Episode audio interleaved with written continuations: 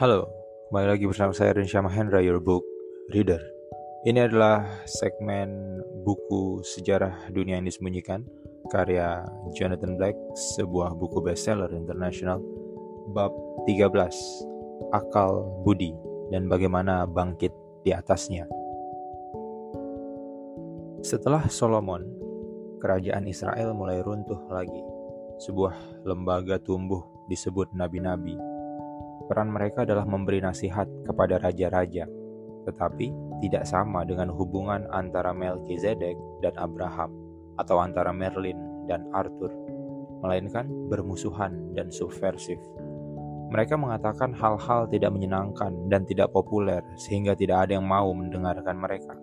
Mereka bergembar-gembor dan meracau. Kadang-kadang mereka dianggap gila.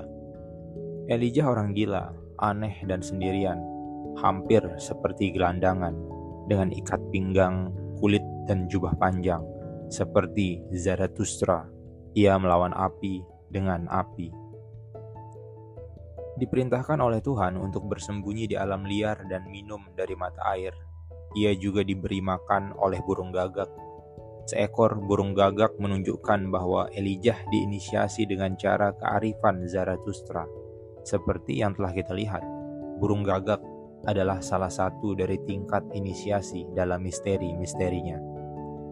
Raja Israel, Ahab, menikahi Jezebel dan mulai membangun altar-altar untuk Baal, yang berarti Saturnus atau setan dalam bahasa Kananite. Elijah bertempur dan memenangkannya dengan nabi-nabi Baal, dengan memanggil api untuk turun dari langit pada kejadian setelah itu, ia memanggil api turun dari langit untuk membunuh seregu tentara yang dikirim Jezebel untuk menangkapnya. Elijah adalah laki-laki yang kuat dan perkasa, seorang nabi yang hidup paling dekat dengan batas kegilaan. Ada kisah-kisah tentang bukti karismanya yang mencengangkan berulang-ulang, kepandaiannya meramal, kemampuannya untuk mengubah sumur beracun menjadi sehat, membuat besi mengapung, menyembuhkan orang sakit lepra, ada kisah aneh tentang ketika ia menghidupkan kembali seorang anak laki-laki muda dengan berbaring di atasnya dan memasukkan rohnya kepada anak itu. Ketika ia harus melarikan diri ke alam bebas lagi, ia melarikan diri demi hidupnya dan menuju ke Tuhan. Ia berdiri di atas gunung di tengah badai hebat. Kita mungkin membayangkan ia melawan badai, sebuah gabungan dari lear dan si bodoh. Akhirnya ia roboh, letih, dan tertidur di bawah pohon juniper dan bermimpi tentang seorang malaikat. Kemudian, ketika masih gelap, ia berangkat mendaki gunung Horeb untuk mencari Tuhan, seperti yang dikatakan malaikat itu bahwa ia harus mencari Tuhan. Namun, angin besar bertiup, mengguncang gunung dan membuat batu-batu besar menggelinding turun ke arahnya. Elijah tahu bahwa Tuhan tidak ada di dalam angin itu ia pun berhasil menyelamatkan diri ke dalam sebuah gua. Tiba-tiba, kilatan petir menyambar tanah tepat di depan gua, mengakibatkan kebakaran besar meredu membakar vegetasi di luar, sehingga ia terjebak di dalamnya. Ia juga tahu Tuhan tidak ada di dalam api itu. Setelah beberapa saat, badai dan kebakaran reda, dan ketika pagi menjelang, semuanya tenang. Bintang pagi terbit dan ketika itulah, dalam udara pagi yang lembut, Elijah mendengar suara Tuhan yang lembut dan tenang. Ia hanya seorang yang periang, bahkan memalukan, tetapi ia seorang nabi dari sebuah kebatinan baru. Ia adalah perkembangan dari suara yang didengar Musa dari dalam semak yang terbakar, tetapi lebih lirih, nyaris dari bawah sadar. Ketika seorang pernah satu kali mendapatkan perasaan ilahiyah yang luar biasa, sekarang mereka akan menyimaknya dengan sangat seksama untuk melatih disiplin mental dan perhatian langsung supaya bisa membedakannya. Akan tetapi, untuk memahami makna sejati dari misi Elijah, penting untuk mengerti kematiannya, dan untuk mengetahuinya, pertama-tama kita akan kembali ke India ada kesaksian-kesaksian tentang pakar-pakar yang mampu menghilang sesuai dengan keinginannya. Dalam sebuah autobiografi Paramansa Yogananda yang mengagumkan, Autobiography of a Yogi, yang diterbitkan kali pertama pada 1946. Ia menjelaskan bagaimana ketika ia harus bertemu dengan guru spiritualnya, Sri Yukteswar, di stasiun kereta api setempat, tetapi menerima pesan telepatis untuk tidak pergi ke sana. Gurunya membatalkan. Muridnya menunggu di sebuah hotel. Tiba-tiba, sebuah jendela yang menghadap ke jalan menjadi berkilauan karena cahaya matahari. Lalu gurunya mewujud di hadapannya. Gurunya menjelaskan bahwa ia bukan penampakan, melainkan daging dan darah, dan bahwa ia telah secara ilahiyah diperintahkan untuk memberi pengalaman ini kepada muridnya. Para Mahansa Yogananda menyentuh sandal biasanya yang terbuat dari kain kanvas jingga dan digulung dengan tali. Ia juga merasakan kain jubahnya yang berwarna kuning tua ketika bergesekan dengannya. Elijah mengembangkan bakat ini ke tingkat berikutnya. Ia belajar bagaimana ekskarnasi dan inkarnasi seperti yang dikehendakinya. Kau tidak bisa mengambilnya, kata pepatah populer, tetapi menurut doktrin rahasia, kau bisa. Seorang inisiat hebat pada abad 20, G.I. Gurdjieff berkata bahwa sejatinya apa yang diperlukan untuk menjadi master untuk diri sendiri dalam kehidupan ini adalah apa yang diperlukan untuk selamat sebagai seorang makhluk sadar dalam hidup setelah mati. Inisiasi setidaknya banyak bersangkutan dengan kehidupan setelah kematian, seperti juga pada kehidupan. Pada buku ketujuh, The Republic, Plato berkata, mereka yang tidak mampu dalam kehidupannya sekarang ini untuk mengerti gagasan kebaikan akan turun ke Hades setelah kematiannya dan tertidur dalam rumah tinggal yang gelap. Pada akhir hidupnya, Elijah diangkat ke surga dengan sebuah kereta yang berapi-api menyala. Sangat mirip dengan Henok dan Nuh sebelum dirinya tidak mati dengan cara biasa. Ia bergabung dengan kelompok guru yang naik, yang untuk sebagian orang tidak bisa melihatnya, tetapi kembali ke bumi ketika ada kesempatan atau krisis besar. Dalam pikiran kabalistis, kereta yang digunakan Elijah naik merupakan satu aspek dari sebuah entitas misterius disebut Merkabah. Inisiat besar bekerja pada tubuh nabati sehingga tidak larut setelah kematian. Kemungkinan roh yang naik untuk menjaga aspek kesadaran yang hanya biasanya mungkin selama kehidupan di bumi. Para inisiat mengetahui tentang teknik rahasia yaitu kekuatan-kekuatan lembut yang mungkin mengkristal dengan cara tertentu, sehingga mereka tidak bercerai-berai setelah kematian. Nanti, kita akan melihat pemikir-pemikir Kristen akan menyebut kereta itu sebagai tubuh yang terlahir kembali. Ketika Elijah naik, jubahnya terlepas darinya, lalu diambil oleh Elisa, yang telah dipilih Elijah sebagai penggantinya. Dengan misterius, proses penganugerahan mental memberikan Elisa sebuah kenaikan jumlah dari kekuatan Elijah. Kita akan kembali untuk melihat cara hal ini terjadi ketika kita mempertimbangkan kehidupan dan karya Shakespeare. Pergantian Elijah oleh Elisa tidak berlangsung tanpa ambiguitas. Begitu Elijah tampak seolah ia ingin menolak Elisa, ia bergegas dan ketika Elisa menyusulnya, Elijah berkata, "Kembali, apa yang telah kulakukan kepadamu?" Apakah ia melihat sesuatu dalam Elisa yang membuatnya tidak yakin? Setelah itu, Elisa diejek karena botak oleh sekelompok besar anak laki-laki. Lalu ia menggunakan kekuatannya untuk memanggil dua ekor beruang besar dari hutan untuk menyerang dan membunuh mereka semua. Ini seolah nabi itu masih terlibat dalam sebuah perang sengit dengan Baal. 200 tahun kemudian, pada masa Nabi Isaiyah, sebuah pengertian baru yang sukar dipahami dari cara alam semesta bekerja telah berkembang. Konsep keagungan membuat para nabi sangat berkurang melakukan peperangan. Pada 550 sebelum Masehi, Isaiyah menyatakan orang yang berjalan dalam kegelapan pernah melihat cahaya besar. Karena bagi kita, seorang anak dilahirkan. Bagi kita, seorang anak laki-laki diberikan dan pemerintahan akan ada di atas bahunya, dan namanya akan dipanggil Tuhan yang kuasa, penasihat luar biasa, Bapak yang abadi, Pangeran perdamaian. Konsep keagungan bertumbuh dari makna kenabian sejarah. Raja-raja dari dua kerajaan dan rakyatnya gagal melakukan apa yang diperintahkan bagi mereka. keadaan mereka merosot dan tanah mereka dibiarkan tak berguna. Namun, kemudian karena keagungan Tuhan, sebuah akar kehidupan muncul dari tanah tandus itu. Nabi-nabi itu melihat keagungan itu bekerja dengan cara ini pada masa mereka sendiri, pada taraf militer dan politis, dalam kebangkitan dan kejatuhan. Lalu kebangkitan lagi dari kerajaan-kerajaan kecil mereka. Mereka juga meramalkan pengulangannya dalam siklus kosmis yang lebih besar dalam sejarah. Untuk pengikut Baal, sebaliknya, kehidupan adalah tentang mempergunakan kekuasaan mereka percaya bahwa jika mereka melakukan praktik agama yang benar, memberikan korban dan melakukan upacara-upacara magis, mereka bisa memaksa dewa-dewa mereka melakukan penawaran. Isaiyah menolak pandangan ini. Ia mengatakan kepada rakyatnya bahwa Yahweh telah memperlihatkan mereka keagungannya dengan memilih mereka, dengan memberi mereka kekuatan untuk patuh, dengan membersihkan mereka dari dosa-dosa, dengan menyelamatkan mereka ketika mereka berkeras kepala dan membangkang, dan dengan berjanji untuk mengembalikan mereka ke kemegahan yang dulu, walau mereka tidak layak mendapatkannya. Cinta Yahweh yang agung tidak bisa dituntut, dibeli, atau didapatkan, katanya. Itu adalah cinta yang diberikan dengan benar-benar bebas.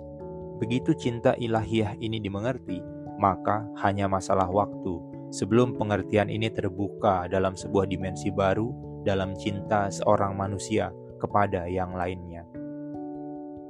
Isaiyah memiliki firasat, baik sejarah maupun keberuntungan masa depan Israel akan datang batang keempat dari tangkai Jesse.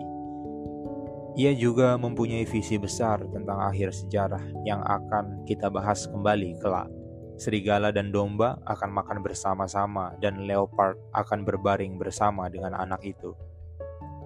Tradisi Nabi akan berakhir kira-kira pada 450 sebelum Masehi ketika seorang kabalis, Rabbi Hayim Vital, menulis, pada akhir abad ke-16 setelah Hagai, Zekariah, dan Malasi, nabi-nabi yang hanya bisa melihat ke dalam tingkat-tingkat terendah dari surga dan kemudian hanya dalam cara yang terselubung.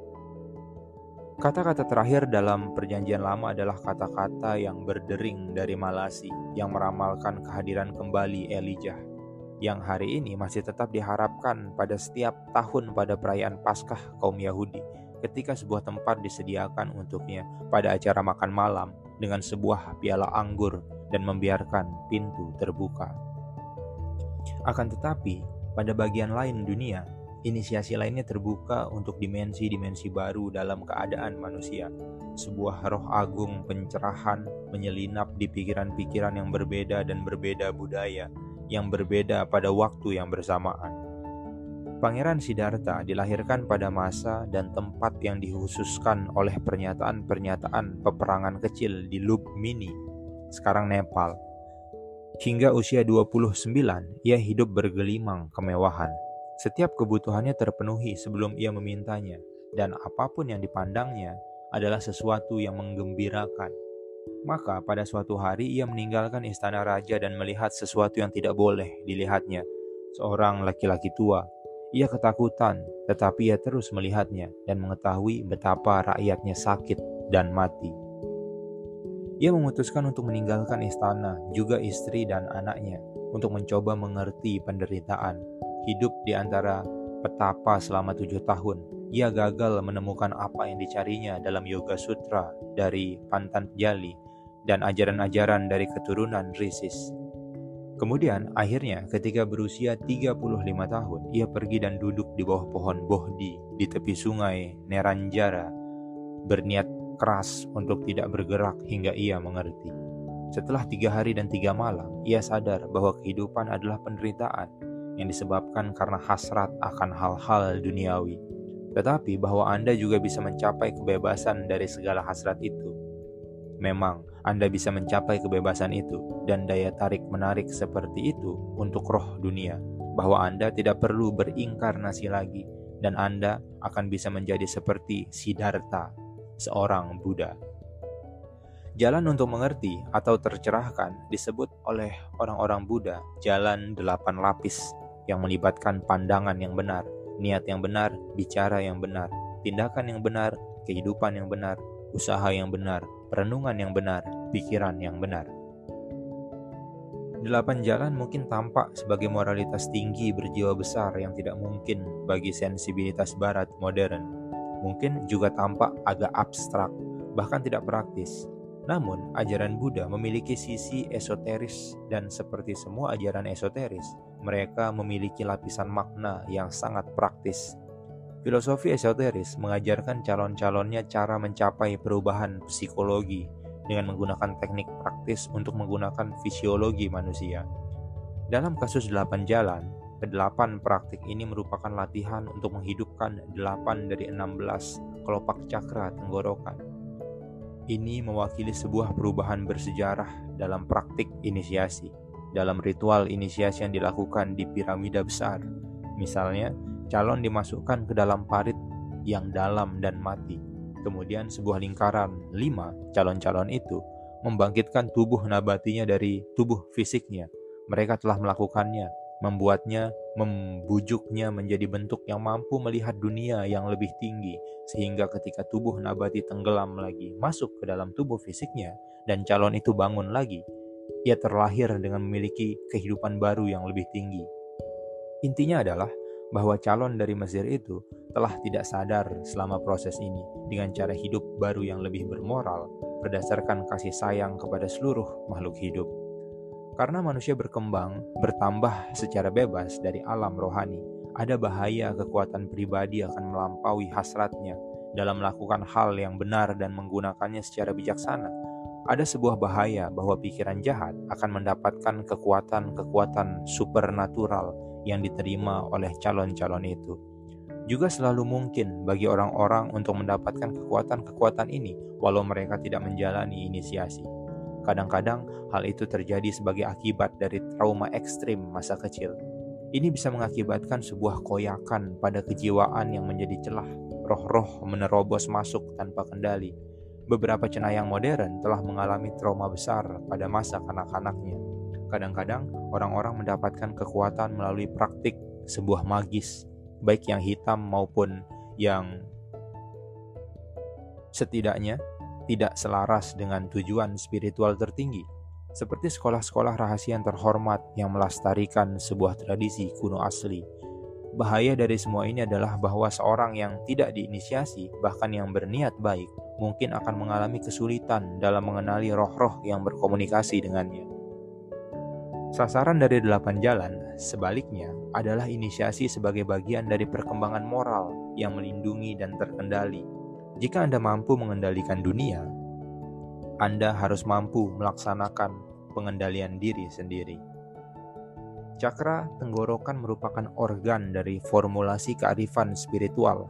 Hal ini menghubungkan cakra jantung dan cakra alis dalam fisiologi dari seorang calon arus sungai cinta ke atas dari cakra jantung melalui cakra tenggorokan untuk menyinari cakra alis. Ketika arus cahaya ini ke atas ke cakra alis, ia terbuka seperti bunga di bawah sinar matahari. Kita semua mungkin mendengar gema atau peringatan tentang hal ini dalam kehidupan sehari-hari. Jika menatap seseorang dengan mata cinta, kita melihat kebaikan terlihat oleh yang lainnya, seperti menatap Seseorang dengan cinta mungkin juga membawa kebaikan-kebaikan ini dan membantu mereka berkembang. Jika Anda bertemu dengan seseorang dengan watak spiritual yang sangat halus, ia mungkin bahagia, tersenyum, tertawa, hampir seperti anak-anak. Ini karena orang-orang seperti itu melihat seluruh manusia dengan mata cinta. Ketika Buddha wafat, ia mencapai tujuannya. Ia tidak akan meminta untuk terlahir kembali, akan tetapi ini tidak berarti ia tidak lagi menjadi bagian dari sejarah ini, seperti yang akan kita lihat ketika kita akan melihat kelahiran kembali Italia. Pitagoras dilahirkan di pulau Yunani, Samos, yang makmur kira-kira pada 575 sebelum Masehi. Ketika blok walam pertama dipasang di atas yang lainnya pada Arkopolis di Athena, tidak ada orang yang mendapatkan pengaruh evolusi yang lebih besar dari pikiran esoteris barat. Pitagoras dianggap sebagai manusia setengah dewa selama hidupnya, seperti Yesus Kristus. Tidak satu pun yang ditulisnya sampai pada kita. Hanya sedikit kumpulan pepatah dan komentar dan kisah-kisah yang ditulis oleh murid-murid. Dikatakan bahwa kemampuan berada pada dua tempat sekaligus, bahwa elang putih telah membiarkannya membelai dirinya, bahwa ia pernah berkata kepada dewa sungai dan terdengar suara menjawab dari air itu, "Salam untukmu, Pitagoras." Juga dikatakan bahwa ia pernah berkata kepada nelayan-nelayan yang tidak menghasilkan banyak ikan untuk menebarkan jaringnya ke laut sekali lagi. Ia seorang penyembuh yang hebat, kadang-kadang membaca ayat-ayat dari Homer yang dipercaya memiliki kekuatan besar, seperti mistik-mistik Kristen akan membaca ayat-ayat dari Psalm dan Gospel Yohanes. Ia menggunakan musik untuk menyembuhkan juga. Filsuf Yunani pada masa awal Empedocles berkata Pitagoras bisa menyembuhkan orang sakit dan memudahkan kembali orang yang sudah tua. Seperti Buddha, ia bisa mengingat inkarnasi masa lalunya. Dan bahkan dikatakan ia bisa ingat seluruh sejarah dunia sejak awal mulanya. Kearifannya merupakan hasil dari bertahun-tahun meneliti dan berkali-kali mengikuti inisiasi masuk ke sekolah-sekolah misteri ia menghabiskan 22 tahun mempelajari rahasia-rahasia para pendeta inisiasi Mesir. Ia juga belajar dengan magi atau majus di Babilonia dan keturunan-keturunan Risis di India. Tempat sebuah kenangan tentang mukjizat yang hebat disebut Yaivan Karya dilestarikan.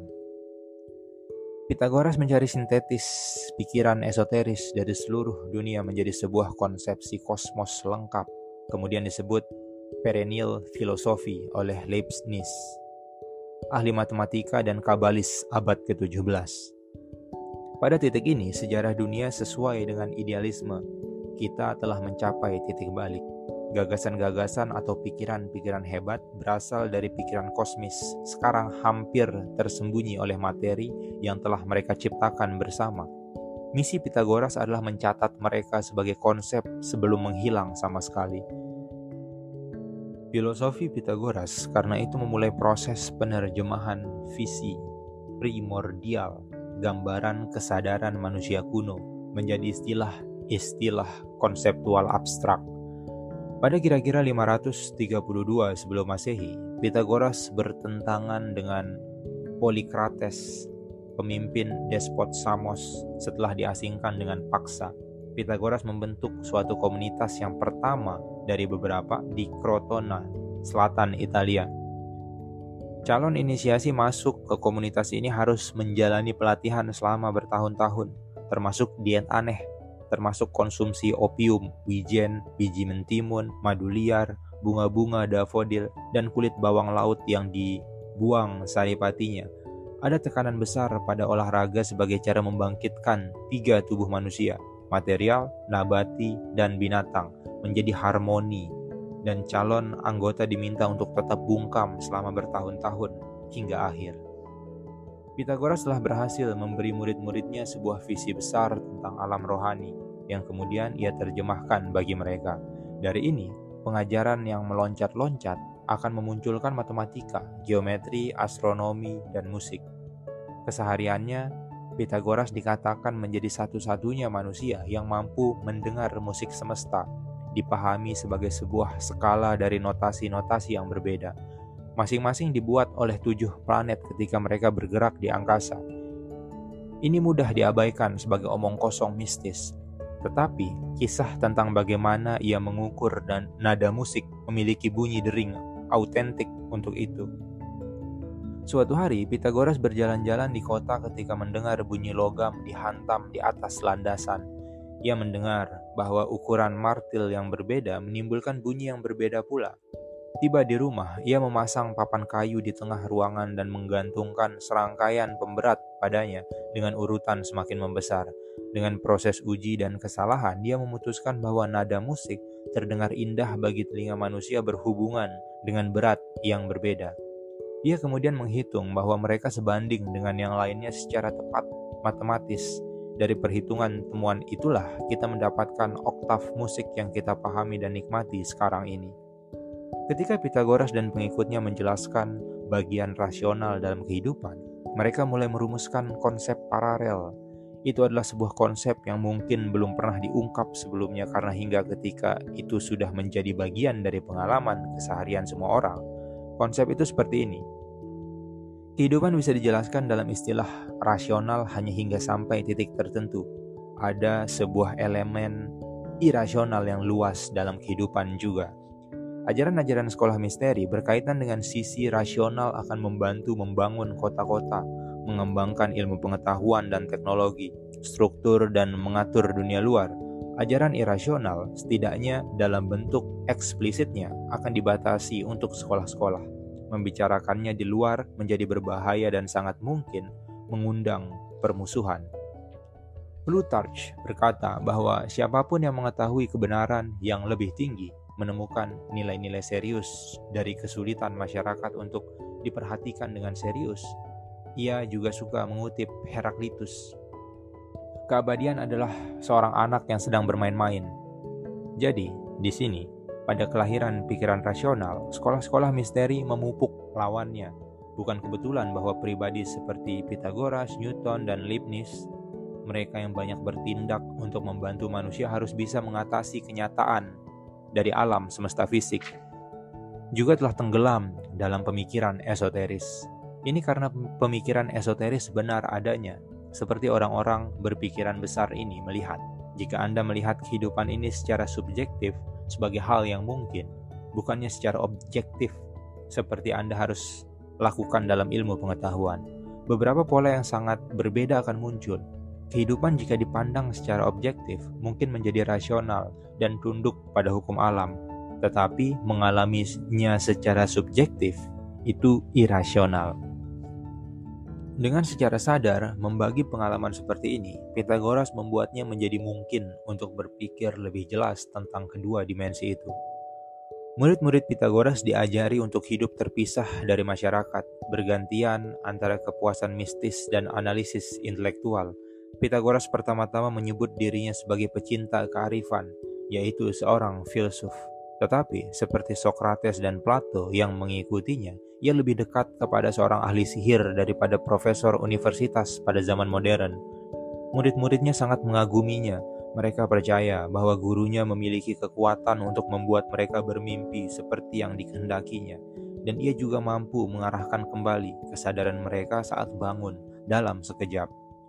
Pythagoras memancing kemarahan kejam dari mereka yang dikeluarkan dari lingkaran dalam. Ia menolak menerima seorang laki-laki bernama Sairon masuk ke sekolahnya karena kecerobohan dan keangkuhannya. Sairon menimbulkan sebuah huru hara menentang Pythagoras.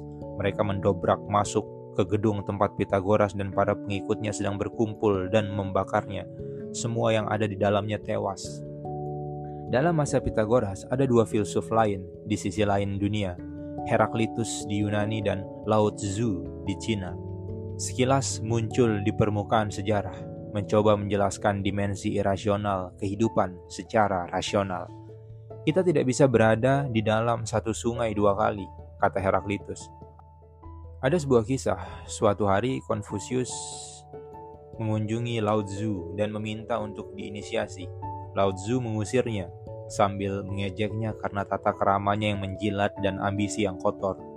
Mungkin ini diragukan, tetapi ini menunjukkan sebuah kebenaran penting, yaitu bahwa Konfusianisme dan Laosisme mewakili pemikiran eksoteris dan esoteris di Cina. Konfusius menghabiskan bertahun-tahun mengumpulkan kearifan tradisi Cina dan koleksi ini akan digunakan sebagai pegangan untuk pemerintahan para pemimpin Cina pada masa setelah itu. Pepatah Konfusius sangat masuk akal. Seribu mil perjalanan dimulai dengan satu langkah. Hargai tugas lebih tinggi daripada hadiahnya. Jika Anda tidak mencapai sasaran, atur lagi sasaran Anda. Dan sebagainya. Kita bisa membandingkan Konfusius dengan Rudyard Kipling. Keduanya adalah pelayan kerajaan jika materialisme ilmiah menjelaskan segala yang ada dalam kehidupan, puisi Kipling, if, akan menjadi kata terakhir pada perilaku hidup dan filosofi esoteris tidak bisa mengajari kita apa-apa. Jika kau bisa memaksa hatimu dan sarafmu dan uratmu untuk melayani giliranmu setelah mereka lama pergi. Maka bertahanlah ketika tidak ada apa-apa lagi padamu, kecuali kehendak yang berkata kepada mereka, bertahanlah. Jika kau bisa mengisi menit yang tak kenal ampun dengan lari yang bisa ditempuh dalam 60 detik, milikmu adalah bumi dan segala isinya. Dan ada lagi, kau akan menjadi seorang laki-laki, putraku. Masalahnya adalah bahwa walau ada banyak waktu ketika hal terbaik adalah mencoba dengan segala kekuatan kita dan tidak untuk menyerah, ada kesempatan lain seperti Orpheus telah menemukan akibatnya ketika ia dengan bijaksana menyerah dan mengikuti arus. Kadang-kadang, ketika Anda mendapatkan apa yang Anda kehendaki, Anda masih ingin mendorong lebih jauh lagi. Kadang-kadang, satu-satunya jalan untuk mempertahankan sesuatu adalah dengan membiarkannya pergi, seperti yang dikatakan Lao Tzu. Karena yang terbangun mundur sendiri, ia melangkah maju. Karena ia menyerah, ia mendapatkan karena ia tidak mementingkan diri sendiri, ia tercukupi sendiri. Ketenangan adalah raja keresahan. 30 tahun setelah kematian Pythagoras, sebuah angkatan perang Persia yang besar sekali di bawah Xerxes menyerang Yunani. Kemudian pada awal tahun-tahun abad kelima sebelum masehi, pasukan Persia dikalahkan dan diusir kembali oleh orang-orang Athena di Marathon dan kemudian oleh orang-orang aliansi Athena di Sparta di Mycale. Pythagoras telah melembagakan diskusi terbuka tentang pilihan-pilihan dan membuat keputusan berkelompok tentang materi yang berhubungan dengan komunitas secara keseluruhan, apa yang sekarang disebut politik. Dari sini dan dalam ruang yang diciptakan oleh orang-orang aliansi Athena Sparta akan muncul karakter unik dari negara kota Yunani dari Athena. Sekian, see you on next episode. Bye.